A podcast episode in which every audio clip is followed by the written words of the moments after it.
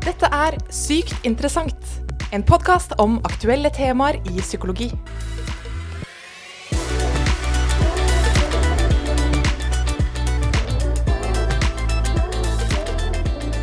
Hjertelig velkommen til en ny podkastepisode hvor vi retter søkelyset mot aktuelle psykologitema.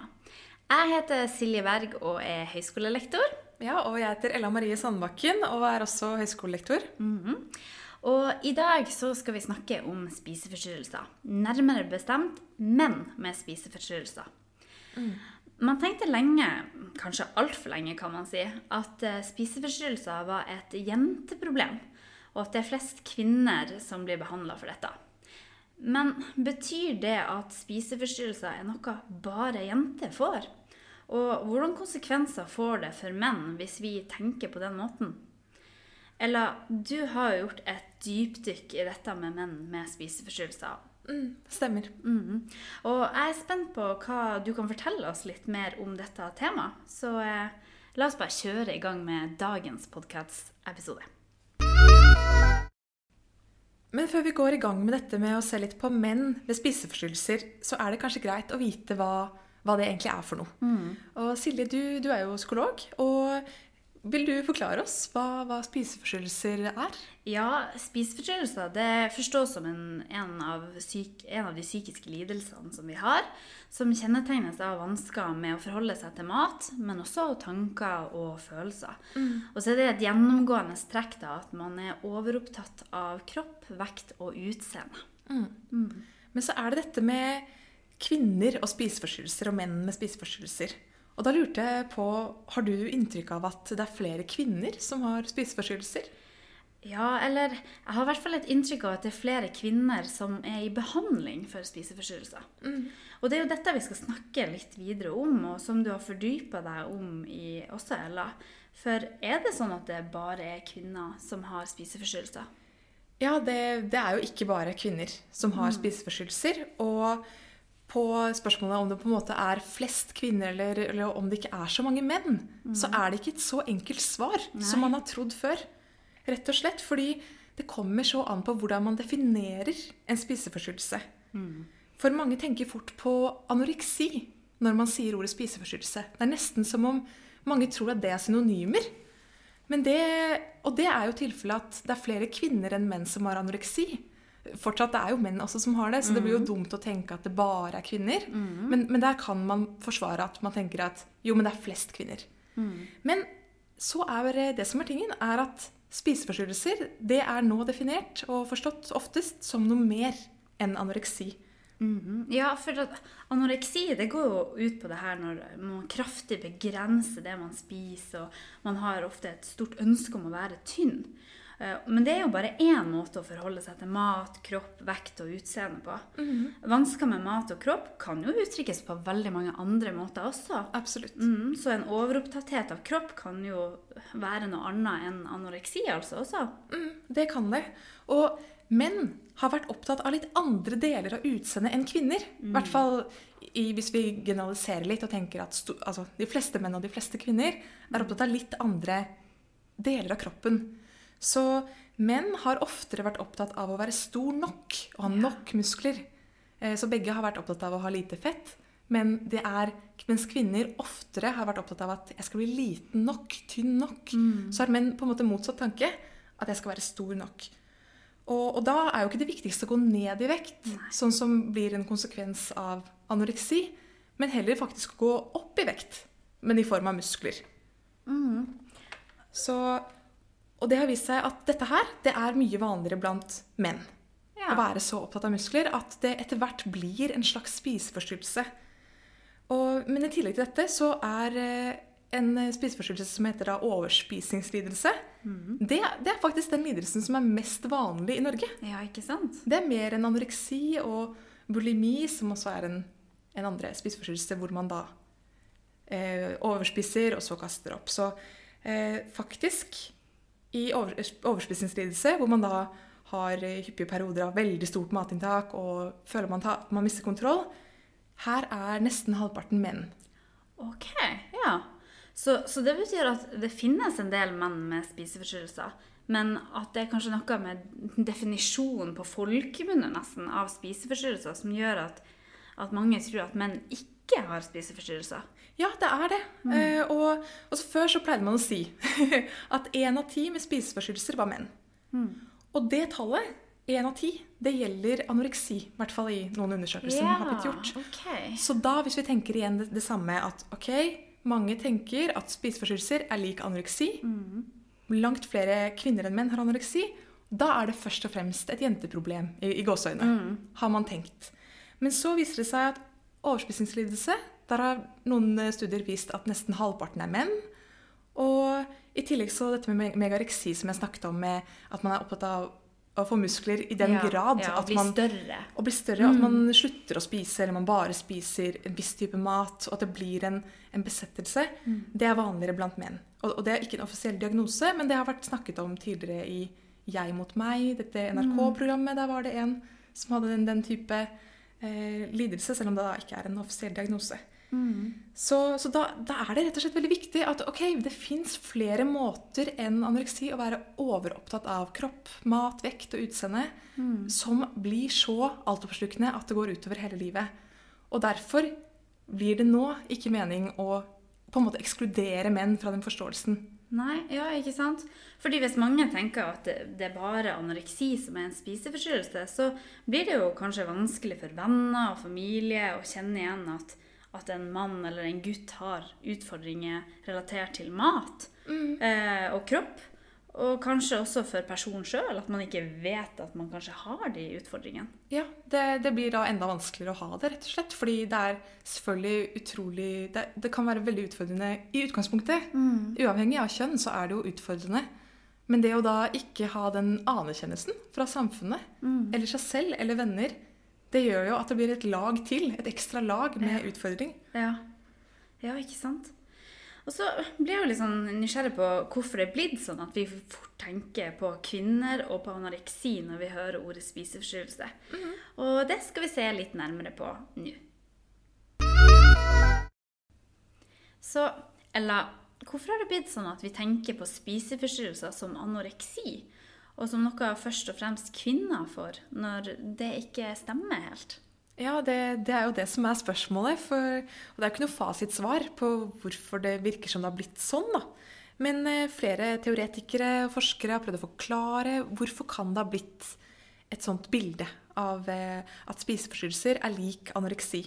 Og, og det jeg tenkte å fokusere på, er hvordan dette bildet kan ha oppstått og blitt forsterket i, i vår kultur. Ja, ok. Og hvordan har det skjedd da, i vår kultur?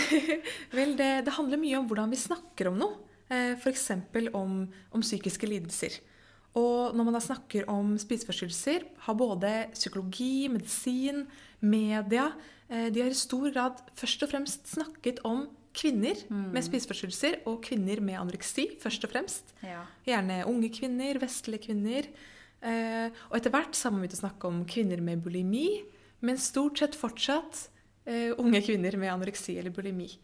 Og, og for, for en liten stund siden så trodde man faktisk ikke at menn kunne få spiseforstyrrelser i det hele tatt. I, i fagmiljøet. Altså, Ja. Heldigvis ikke så nylig lenger, men man trodde det en, en periode på 1900-tallet. Så dette bildet da, av spiseforstyrrelser virker som er på en måte i hodet vårt representert som en ung, eh, slank kvinne med press om å være perfekt. At det er det som har blitt den standarden på spiseforstyrrelser inni hodet vårt. Og det er klart at unge kvinner med, med press om å være perfekt og som ønsker å være slanke, det er også noen som utsettes for spiseforstyrrelser. Men det er ikke de eneste. Og det er det som er det vi heldigvis prøver å endre litt på, fordi dette kan ekskludere de som ikke helt passer inn i dette bildet. Og det er jo utrolig spennende. Så, men hvorfor er det sånn at menn ikke er i dette bildet, da? Vi vet jo at menn også opplever kroppspress. Mm, ja, godt poeng, og det, det vet vi nå. Men det som er litt interessant, er at for ikke altfor lenge siden så trodde man at menn ikke opplevde kroppspress. Eh, ikke bare på lik linje med kvinner, men nesten ikke i det hele tatt. Ha. Så jeg husker Da jeg hadde innføring i psykologi, så sto det i den innføringsboka at eh, menn ofte var, tenkte at de selv var over idealet. De var liksom høyere enn standarden, mens kvinner tenkte oftere at de var lavere enn standarden. Ah. Og jeg tenkte selv at oi, så, så spennende. gøy at menn tenker sånn om seg selv, og kvinner sånn om seg selv. Og så viser det seg at denne forskningen eh, den stemmer ikke lenger. Eh, kanskje den var målte litt feil da, på det tidspunktet den ble laget. Den er ganske gammel, den forskningen. Men den stemmer i hvert fall ikke helt nå. I vår tid nå. Og, og det er jo ikke sånn lenger at eh, menn tenker at de er nødvendigvis over idealet, og kvinner at de er under. Og man har funnet ut at menn opplever også en god del kroppspress og perfeksjonspress. Og hvis man eh, viser eh, menn eh, bilder av en idealkropp som er ganske urealistisk for menn, så vil også menn bli Deres selvoppfattelse vil bli påvirket negativt. I hvert fall i, i noen, noen forskning som har blitt gjort. Og noe Altså, det er jo litt rart. Hvorfor har ikke dette blitt fanget opp før? Kanskje har det blitt mer kroppspress for menn? Det, det er jo en mulighet. Ja. Eller kan det være sånn at kvinner og menn har ulike idealer som lages i vår eh, kultur? Sånn at når man snakker om eh, hvordan de opplever kroppspress, så må man tilpasse det til kjønnene. Man kan ikke bare spørre eh, Er du redd for å legge på deg? Eller er du, har du, føler du deg tynn nok? For det vil være spørsmål som i det store og det hele retter seg mer mot kvinner. ja, ikke sant. Og, og det betyr ikke at det ikke er menn som også ønsker å, å bli tynnere. Men hvis man skal fange opp de mennene som føler press for å bli større og få mer muskler, så må man også stille spørsmål som passer for å fange opp den type tematikk. Da. Og særlig hvis det da blir et, eh, et problem og noe man sliter med. Ja, skjønner. Så, så litt av det her handler om hvordan man tenkte på spiseforstyrrelser i utgangspunktet, eller? Ja, nettopp. Så det handler mye om hvordan diagnosen ble laget først, da den ble laget. Eh, og hvordan man begynte å snakke om det i starten. Eh, for eh, tidlig på 1900-tallet med Freud, som er en eh, kjent psykoanalytiker, eh, så han så på spiseforstyrrelser som noe for velstående unge kvinner. Ah, så Eh. det var en slags kvinnediagnose? Ja, det var det. For, eh, for kvinner som ønsket å være eh, perfekte, ble tanken etter hvert. Men da var det kvinner som Ja, da, da var det ulike teorier om hvorfor det var sånn. Men poenget er i hvert fall at det ble laget eh, Det ble forstått som noe som var forbeholdt for kvinner. Ja. Eh, og da passet ikke menn inn i det. Så man var ikke noe opptatt av menn og hvordan de ville bli om de kunne bli rammet av spiseforstyrrelser. Så, så diagnosen ble laget ut av den tanken om at dette er noe som eh, unge kvinner kan rammes av. Og, og derfor ble kriteriene laget med tanke på unge kvinner. ja.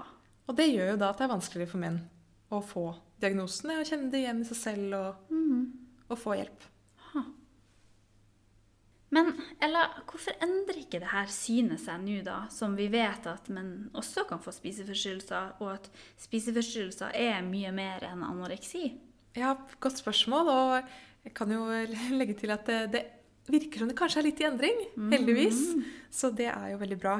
Men eh, grunnen til at det på en måte ikke endrer seg med en gang når vi får mer informasjon, for, for det burde det jo på en måte gjort, men grunnen til at det tar litt tid å endre det, er at disse bildene, det mentale bildet vi har, det kan bli liksom eh, litt inngrodd, på en måte.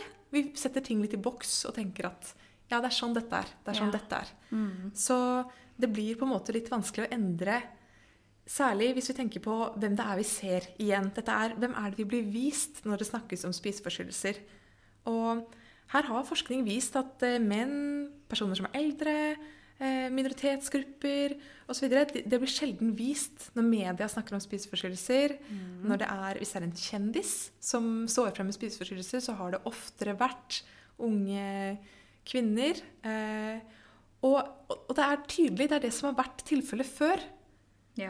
Og nå vises det heldigvis litt mer variasjon. Men forskningen har vist at det er en klar eh, overvekt av kvinner som vises fram da, Mm. når man snakker om dette. Så vi får et veldig lite nyansert bilde, da.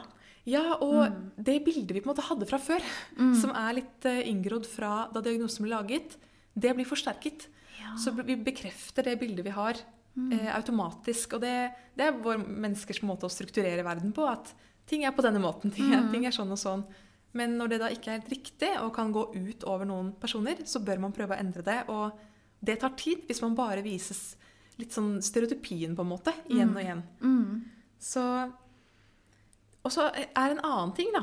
Eh, For det er én ting. At ok, vi blir vist det samme, og det er ikke så rart. Fordi hvis noen skal lage en mediesak om spiseforstyrrelser, så, vel, så velger de da bildet av en ung, slank kvinne. De Mm. tenker at det er det som passer best. Det er forståelig. Og så hvis man får informasjon, så kanskje man endrer det og har med litt andre bilder, og da kan man endre det på sikt.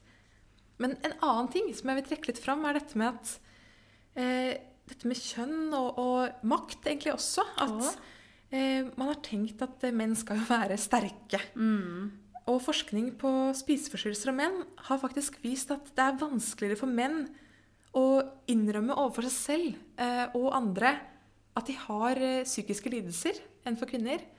Og også når det gjelder spiseforstyrrelser, så har dette vært tilfellet. At man tenker at å, det er ikke tøft nok å, å ha en spiseforstyrrelse som mann.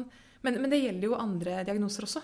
Det gjelder jo at er det tøft å ha, å ha angst og være mann? Er det, Og dette er jo selvfølgelig også ikke bare for menn. Det er stigma også for kvinner, og det prøver man jo å gjøre noe med, heldigvis. Men, men dette med kjønnsroller og makt, at å, menn har en sånn et litt sånn press på seg til å være tøffe og sterke. Mm. De skal liksom ikke spørre om hjelp. Og, Nei, de skal klare seg selv. Ja. Og det er, kan bli skadelig, rett og slett.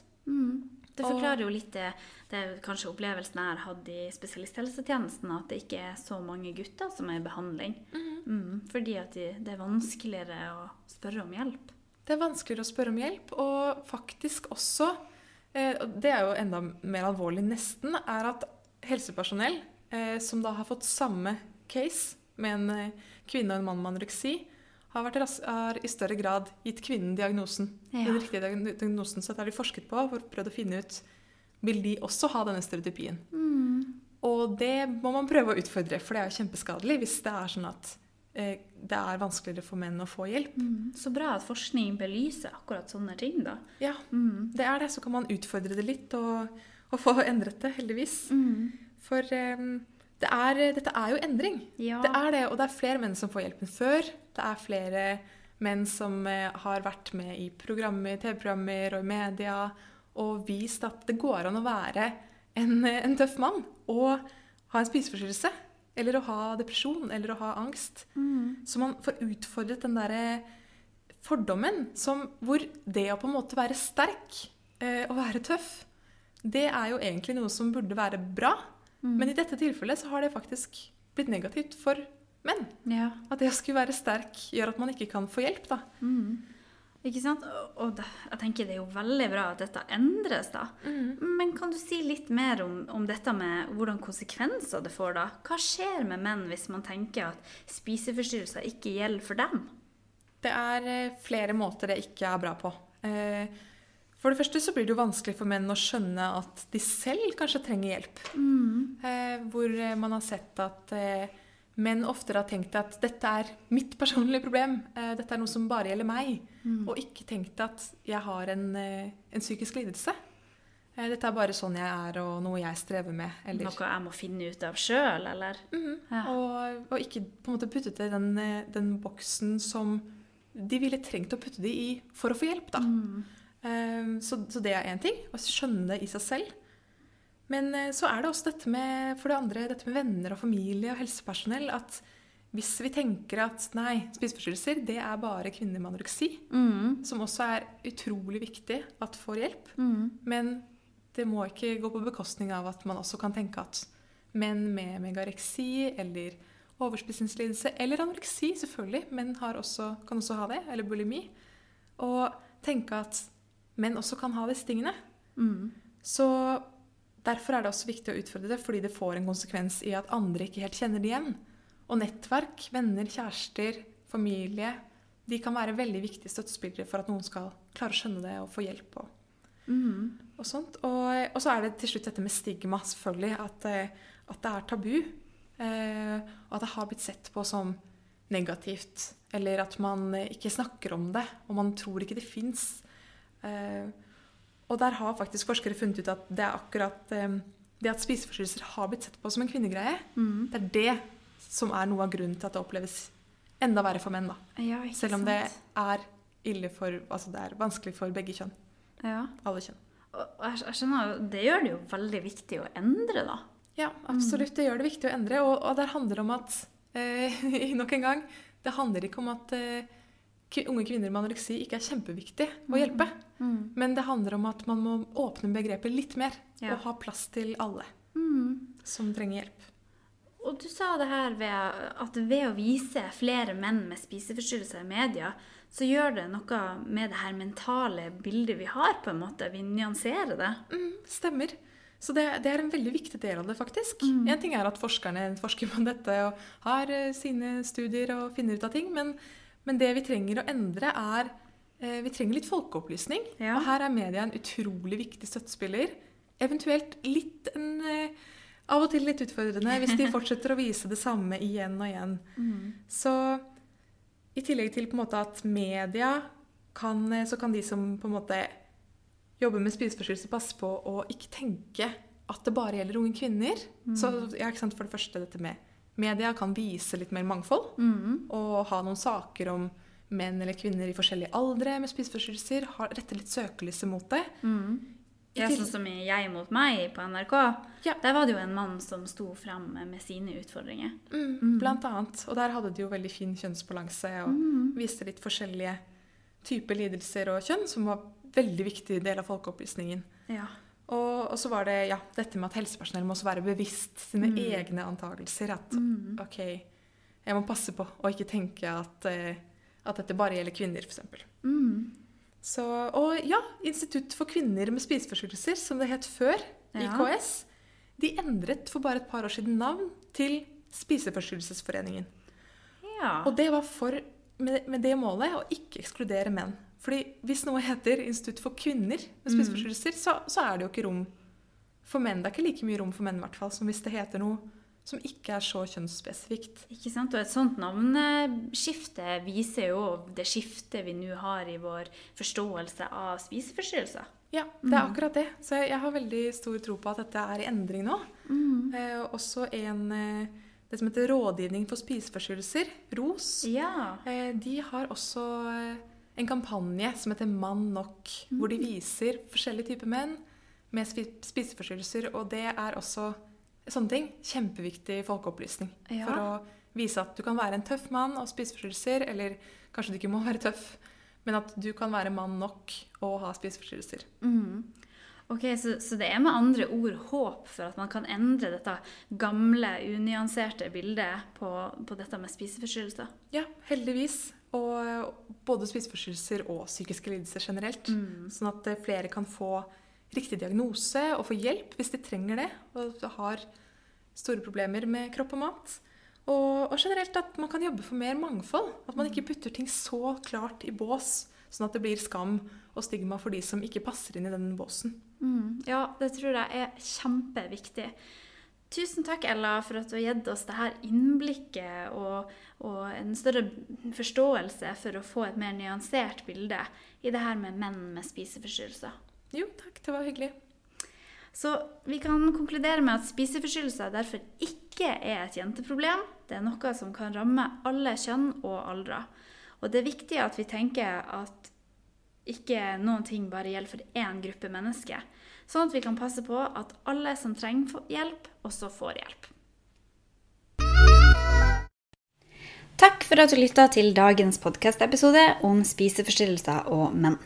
Du har i dag lytta til meg, Silje Berg og Ella Marie Sandbakken, høyskolelektorer ved høyskolen. Om du er bekymra for at noen du kjenner, eller kanskje kjenner sjøl på utfordringer relatert til mat, kropp og syke, så anbefaler vi deg å sjekke ut nettros.no. Her kan du få gratis rådgivning og hjelp til spiseproblematikk. Du har nettopp hørt en episode av Sykt interessant. En podkast om aktuelle temaer i psykologi.